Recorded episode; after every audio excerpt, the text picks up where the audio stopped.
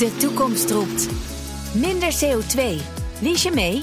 Dit is het moment om te kiezen voor de Tesla Model 3, Toyota Pro-Ace Electric of Volkswagen ID3.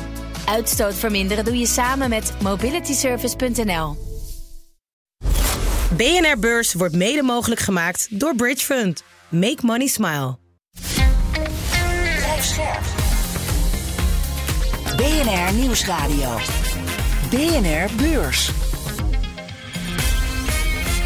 Jelle Maasbach. Laatste dag van de week. Het is of je vrije dag of niet, zoals bij ons het geval is. Maar hoe dan ook, we hebben er zin in. Weer een eh, mooie nieuwe vrijdag-editie voor je. Met een vraag van de luisteraar. Deze week een hele leuke over Warren Buffett. Mocht je zelf nou ook nog een vraag voor ons hebben, stuur die dan naar bnrbeurs.bnr.nl. En je hoort het, niet die zoetsappige stem van Wesley, maar die van Jochem dit Jawel. keer. En eh, te gast bij ons vandaag is Martine Hafkamp van Vintessa Vermogensbeheer.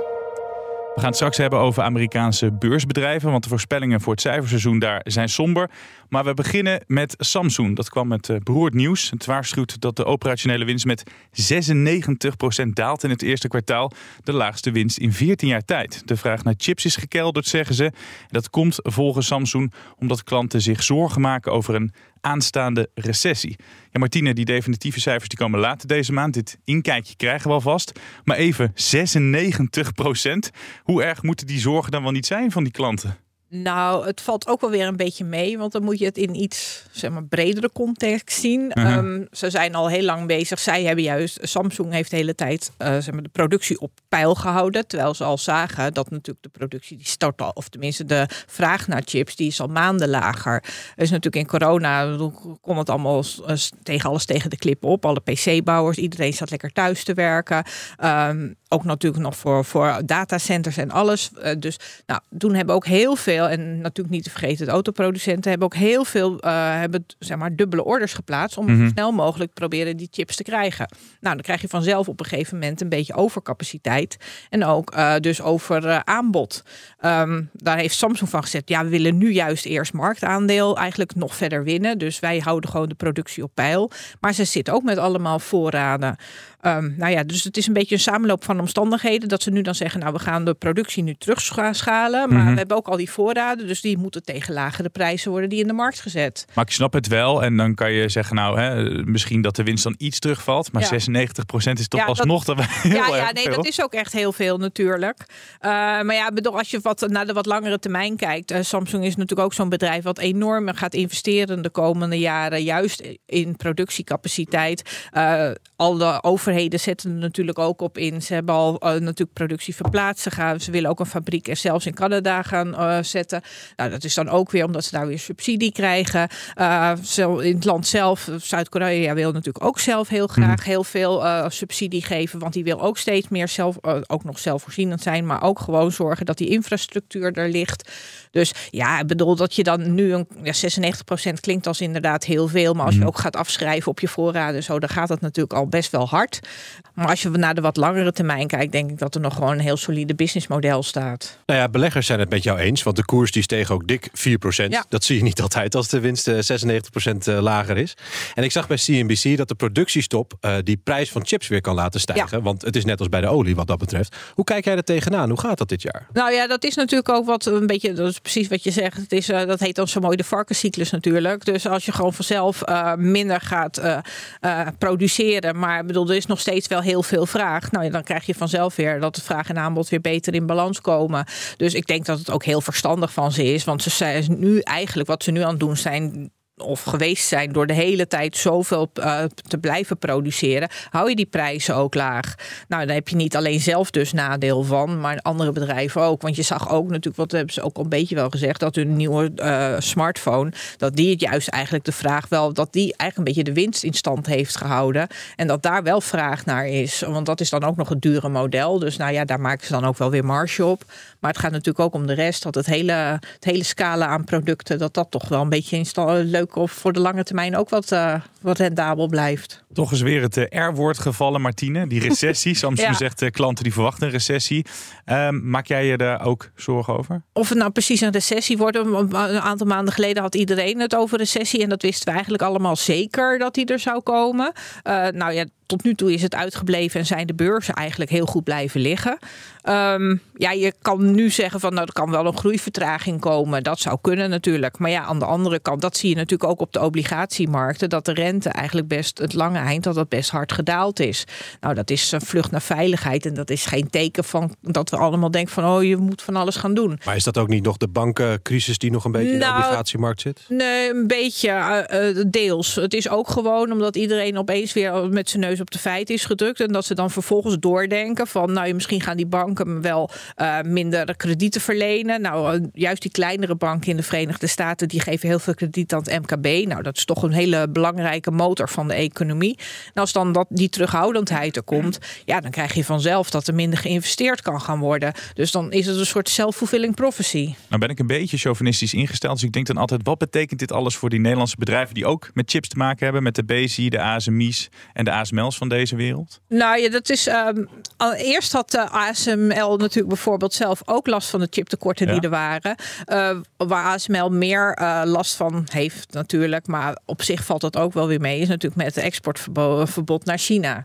Eh, maar ja, aan de andere kant, wat ik net ook al zei, omdat al die overheden of eigenlijk misschien regio's veel meer inzetten op weer zelfvoorzienend zijn wat die chips betreft. En er zoveel investeringsrondes lopen en ook allemaal subsidie wordt gegeven voor dat neerzetten van die chips. Dan krijg je eigenlijk dat ASML daar niet zo heel erg van eh, veel last van heeft. Een bedrijf als Bezi die is iets conjunctuurgevoeliger. Maar ja, die heeft dan ook weer een goede niche gevonden. Dus ik denk voor de lange termijn is het businessmodel gewoon nog hartstikke prima in stand. Dat is dan op de lange termijn. Ja. Maar voor dit jaar, moet je nou eh, chipaandelen hebben of niet dit jaar? Nou, ik, ik heb geen glazen bol. En op zich zijn de koersen natuurlijk vanaf het dieptepunt zijn best wel weer opgelopen. Maar dat zie je met heel veel grote technologiebedrijven. Eh, daar zeggen nu heel veel mensen van, nou, die zijn best wel weer aardig gewaardeerd op het moment. Of misschien zelfs al een beetje duur. Maar ja, als je kijkt gewoon ja, bedoel, je moet naar iets langer kijken dan twee kwartalen. En dan denk ik, en als je ziet bijvoorbeeld zo'n orderboek bij ASML, wat zo goed gevuld is. Ja, dan kan je daar eigenlijk geen buil aan vallen. En Je moet het niet. Ik bedoel, en dat zegt niet, dat wil niet zeggen dat over twee weken de koers al 10% hoger staat. Maar ja, veel zal ook afhangen van dit cijferseizoen wat er nu aankomt. Omdat, en vooral niet zozeer van de cijfers, maar nog meer van de vooruitzichten. Van wat verwachten ze zelf nou? Ja, houd dat vast. We gaan het zo meteen over het cijferseizoen hebben. We kregen weer vragen binnen. Dank daarvoor. Het was natuurlijk omdat Martine hier kwam dat er allemaal mensen een vraag instuurden. Vandaag hebben we er een van eh, Peter Jan en Jochem. En die vraag gaat over Berkshire Hathaway, een van mijn favoriete bedrijven op aarde.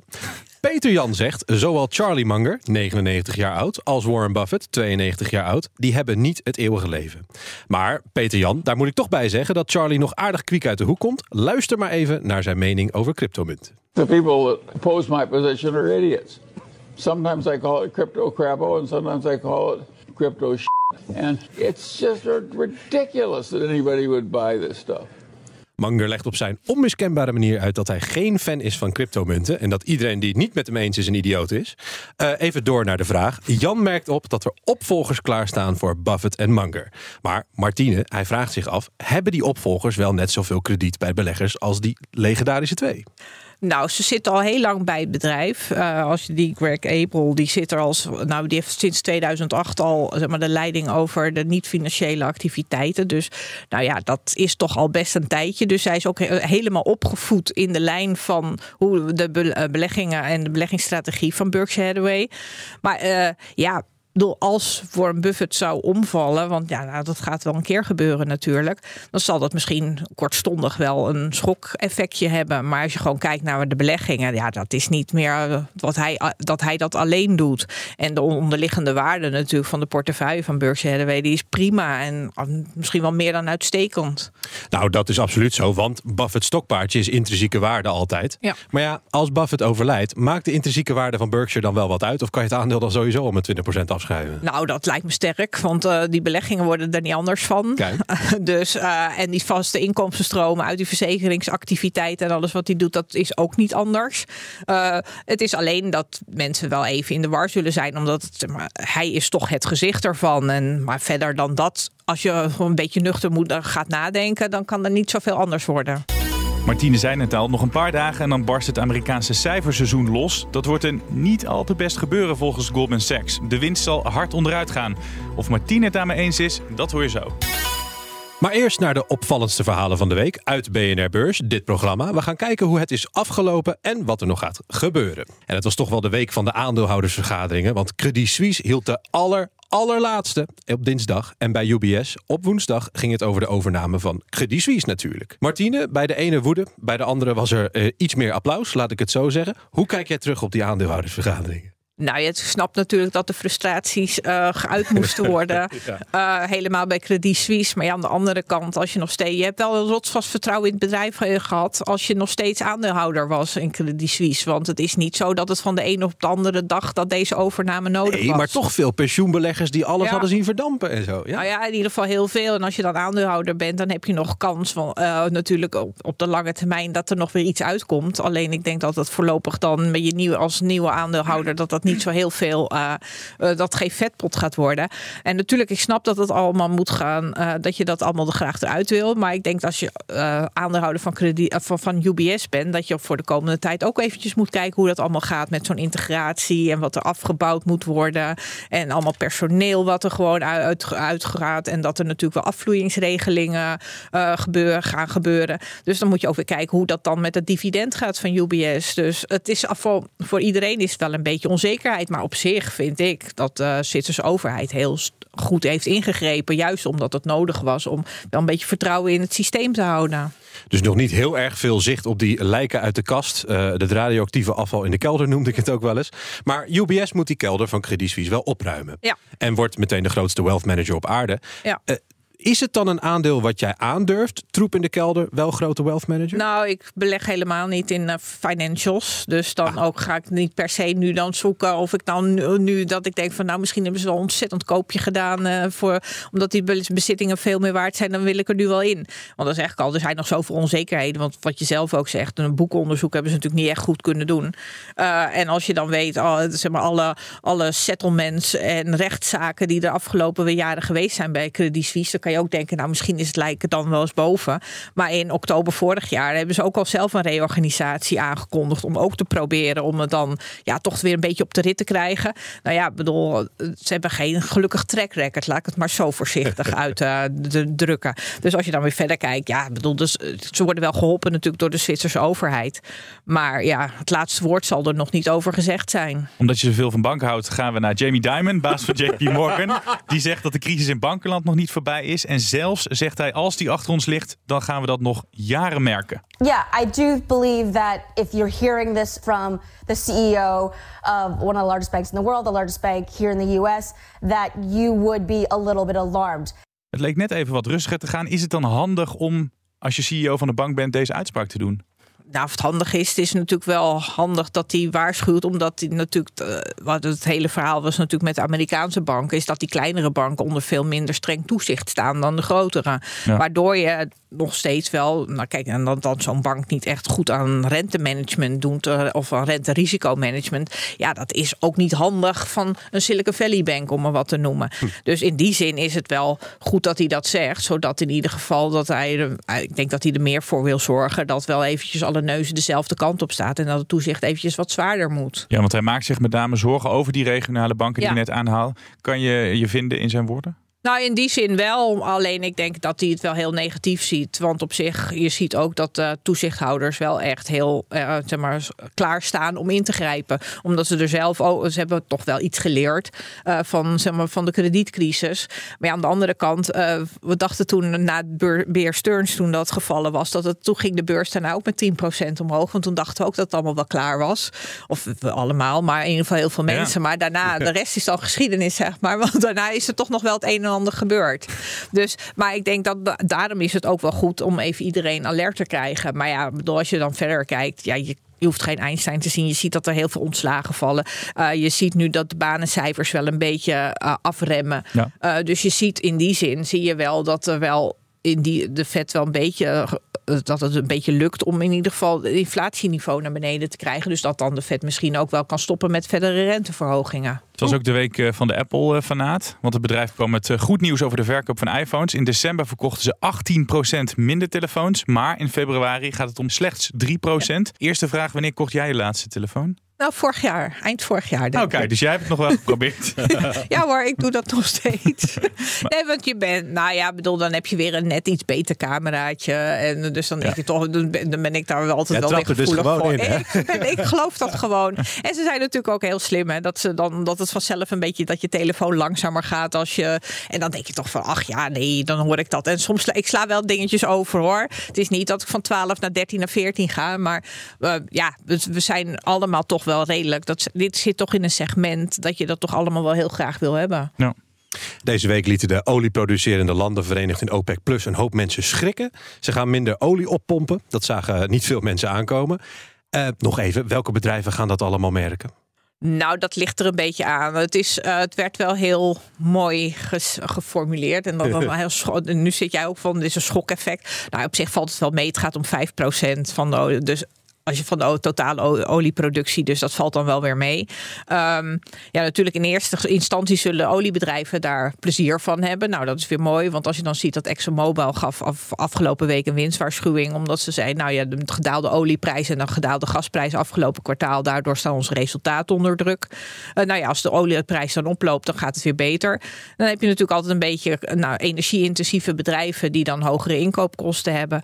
Maar ja, aan de andere kant krijg je daar weer dat je ook wel dat er ook wel geluiden zijn van dat heel veel bedrijven veel lagere kosten hadden dat ze prijzen hebben verhoogd. Dus dan hebben ze nog heel veel ruimte en dan zal, zullen de marges misschien wel helemaal niet zo onder druk komen.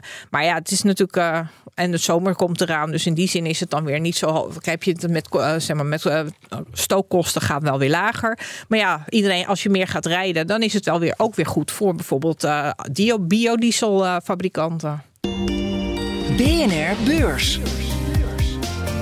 Dan naar het cijferseizoen in de Verenigde Staten. Wij hebben er zin in, Goldman Sachs wat minder. Goldman Sachs predicting a glooming earnings season that may be just as bad since the beginning of the pandemic. De scherpste daling sinds 2020, toen de coronapandemie uitbrak. Ben jij ook zo somber? Ik ken je als een heel optimistisch persoon. Ja, nou, ik ben nou, somber. Ik bedoel, de vergelijkingsbasis is nog steeds best wel goed. Hè?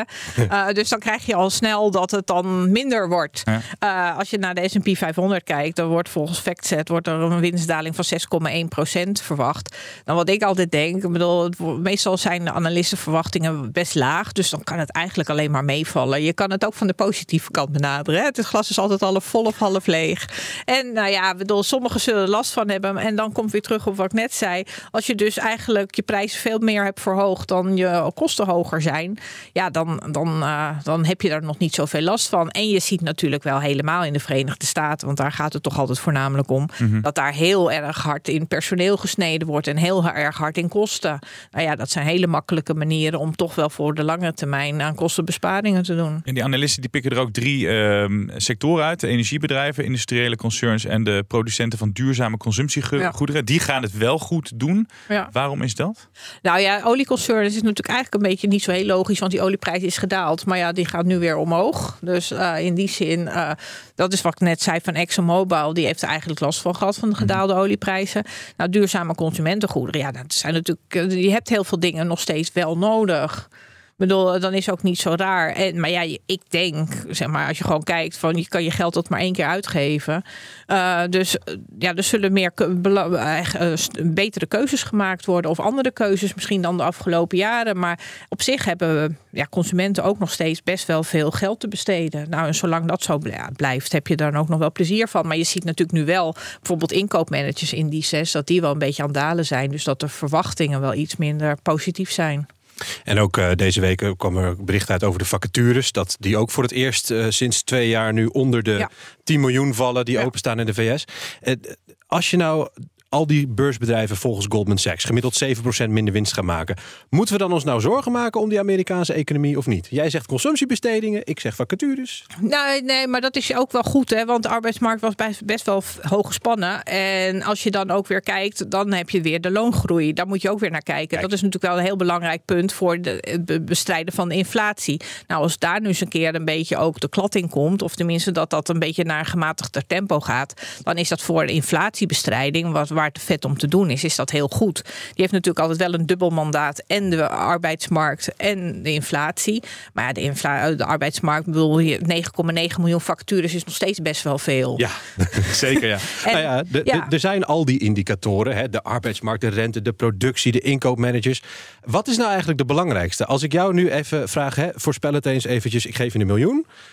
Welke graadmeter pak je dan? Nou, dan pak ik een combinatie van factoren natuurlijk. Want je kan beter naar vooruitkijkende eh, zeg maar indicatoren kijken. Want en de arbeidsmarkt is natuurlijk wel een belangrijke. Want eigenlijk valt of staat altijd met het beleid van de Fed. En eh, het is natuurlijk ook een heel belangrijk gezegde van do not fight the Fed.